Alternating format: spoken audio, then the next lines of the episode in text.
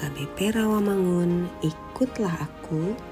Kamis 22 September 2022 dengan judul Ketika diri sendiri telah menjadi alasan. Bacaan kita pagi ini tertulis dalam Markus 1 ayat 40 sampai 45 dan bacaan kita malam ini tertulis dalam 2 Raja-Raja 20 ayat 1 sampai 21 dan kebenaran firman Tuhan yang menjadi ayat renungan kita pagi ini ialah Yeremia 1 ayat 7 yang berbunyi Tetapi Tuhan berfirman kepadaku Janganlah katakan Aku ini masih muda tetapi kepada siapa pun engkau kuutus, haruslah engkau pergi, dan apa pun yang kuperintahkan kepadamu, haruslah kau sampaikan. Demikian firman Tuhan. Sahabat, ikutlah aku yang dikasihi Tuhan Yesus. Apalah artinya umur manusia dibandingkan kekekalan? itu bagaikan sebutir debu di bumi, tetapi tetap memiliki fungsi. Allah memanggil Yeremia menjadi nabi pada usia yang masih sangat muda.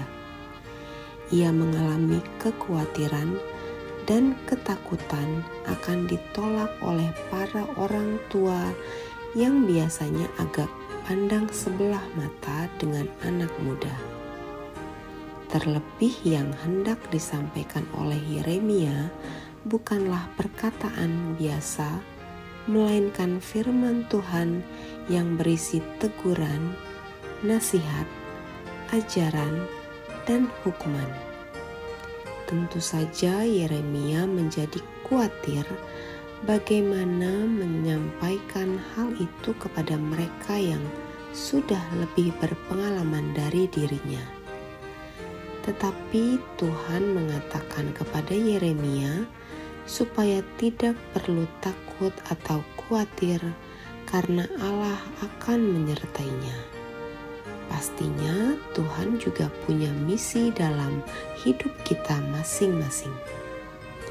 Allah menempatkan kita di zaman ini untuk menyampaikan pesan Allah kepada dunia melalui kehadiran kita menjadi alat Tuhan.